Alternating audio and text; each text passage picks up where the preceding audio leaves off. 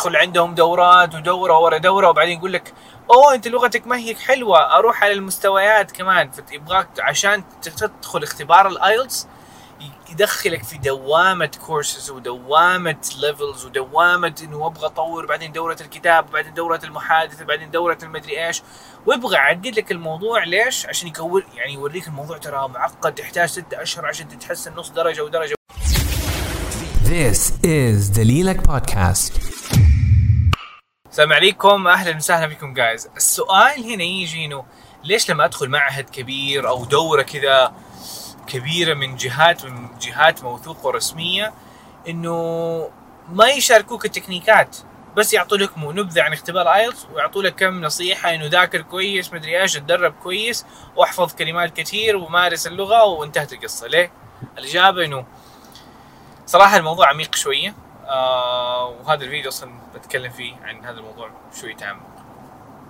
أول حاجة خلينا نتكلم عن التكنيكات. طبعا التكنيكات فكرتها إنه عبارة عن طريق مختصر. يعني افترض أنت ماشي على الطريق الأساسي وعندك كذا طريق مختصر ما يعرفوا إلا أصحاب الحي هذولا اللي عارفين إذا مشيت من هناك حتتفادى الزحمة بخمس دقائق. ف إيوه هذه جزء مرة مهم من اختبار إذا ما بتعرف صدقني راح تاخذ وقت مرة طويل. مثلا أتكلم عليها زي تكنيكة حاد. موجود تكلمت عليها حاب موجود في ال description كمان. تكنيكة القوالب. عبارة عن بدل ما تكتب 400 كلمة كذا ورا بعض بتكتب فقط 300 كلمه 200 كلمة وكل حاجة مقسمة مرتبة بالنسبة ليك. فبنفس فهذه تكنيكات. طب ليش الجهات هذه تحاول تخبيها ما تشاركها؟ أنا بالنسبة لي أتوقع رقم واحد إنه ما أدري يعني غريبة. طب ليش؟ أنتوا اللي صنعتوا الاختبار وهذه الجهات الكبيرة هي الجهات المرتبطة بال IELTS وزي كذا. ممكن أحد الأسباب اللي تيجي في بالي اللي إنه ما يبغوك تجيب الدرجة. ما ما يبغوك تجيب الدرجة بسرعة باختصار لأنه هذا ال business حقهم. هم يبغاك تدخل عندهم دورات ودورة ورا دورة وبعدين يقول لك أوه أنت لغتك ما هي حلوة أروح على المستويات كمان. فيبغاك عشان تدخل اختبار ال IELTS يدخلك في دوامة كورسز ودوامة levels ودوامة إنه أبغى أطور بعدين دورة الكتاب بعدين دورة المحادثة بعدين دورة المدري إيش ويبغى يعقد لك الموضوع ليش؟ عشان يكون يعني يوريك الموضوع ترى معقد تحتاج ستة أشهر عشان تتحسن نص درجة ودرجة واحدة ليه؟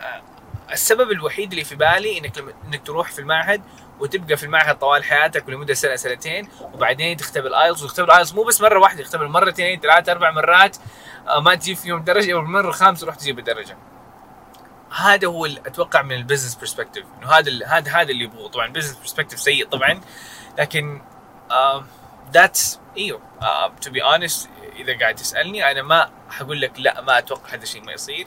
ممكن يصير. ممكن ما أقول لك بالتاكيد هذه ما هي مصادر موثوقة ترى please don't quote me for it لكن إيوه الموضوع قلب زي كذا.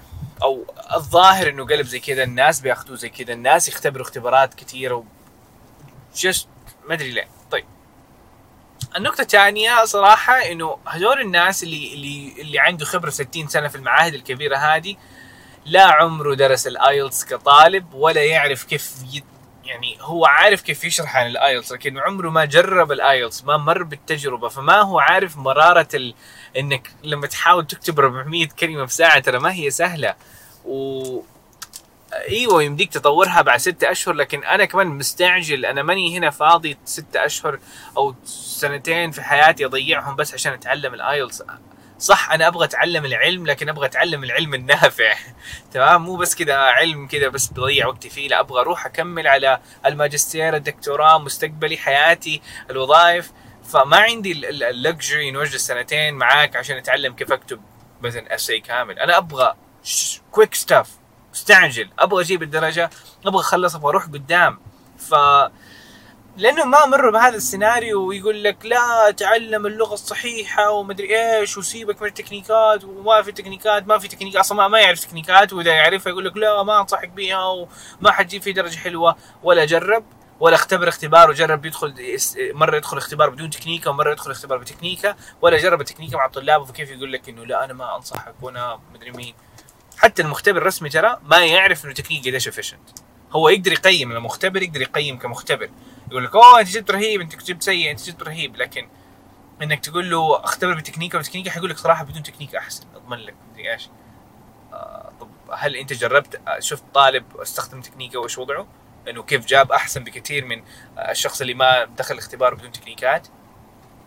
فده say stuff بناء على كونهم فوق كمدرس كمختبر كمدري مين IELTS ك native speaker. طب أنت ما قد عشت هذه التجربة فليش قاعد تحكم وتضلل الناس وتقول لهم لا تجرب هذا الشيء؟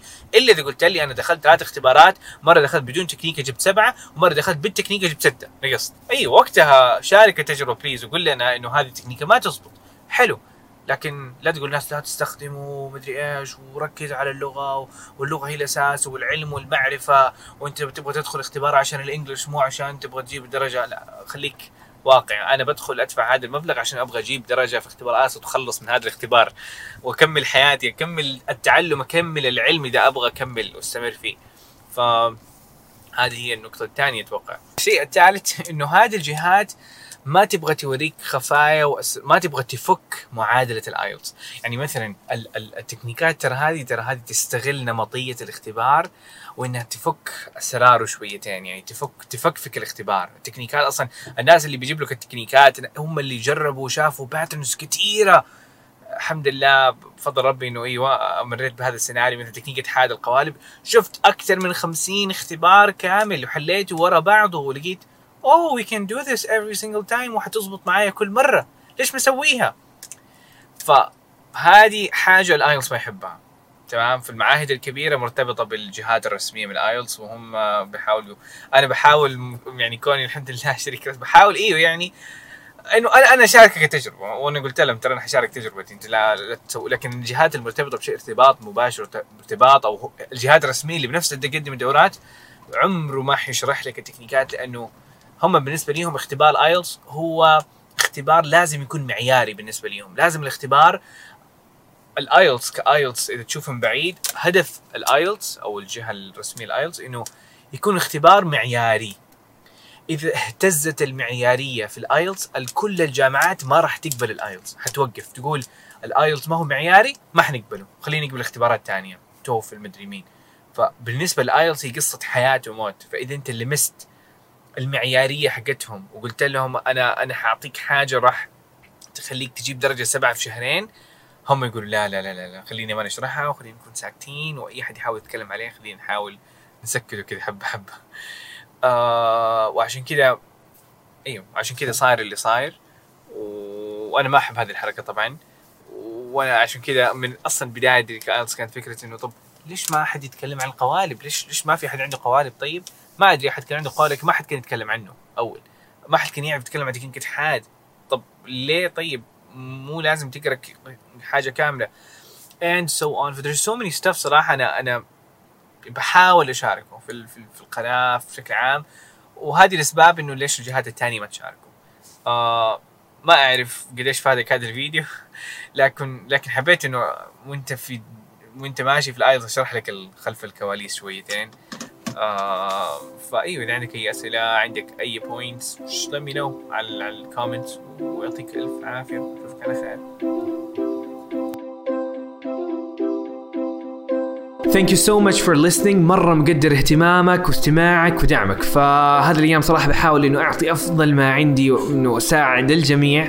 فأي سؤال وأي استفسار كلمني على الخاص. وإذا حبيت إنك تتابع البودكاست لأنه قاعد أنزل حلقات مرة قوية عن التحفيز عن ال IELTS عن تطوير اللغة عن قصتي فتابعني على دليلك في IELTS dot com slash podcast عشان تشترك في البودكاست هذا ويعطيكم ألف عافية. مع السلامة.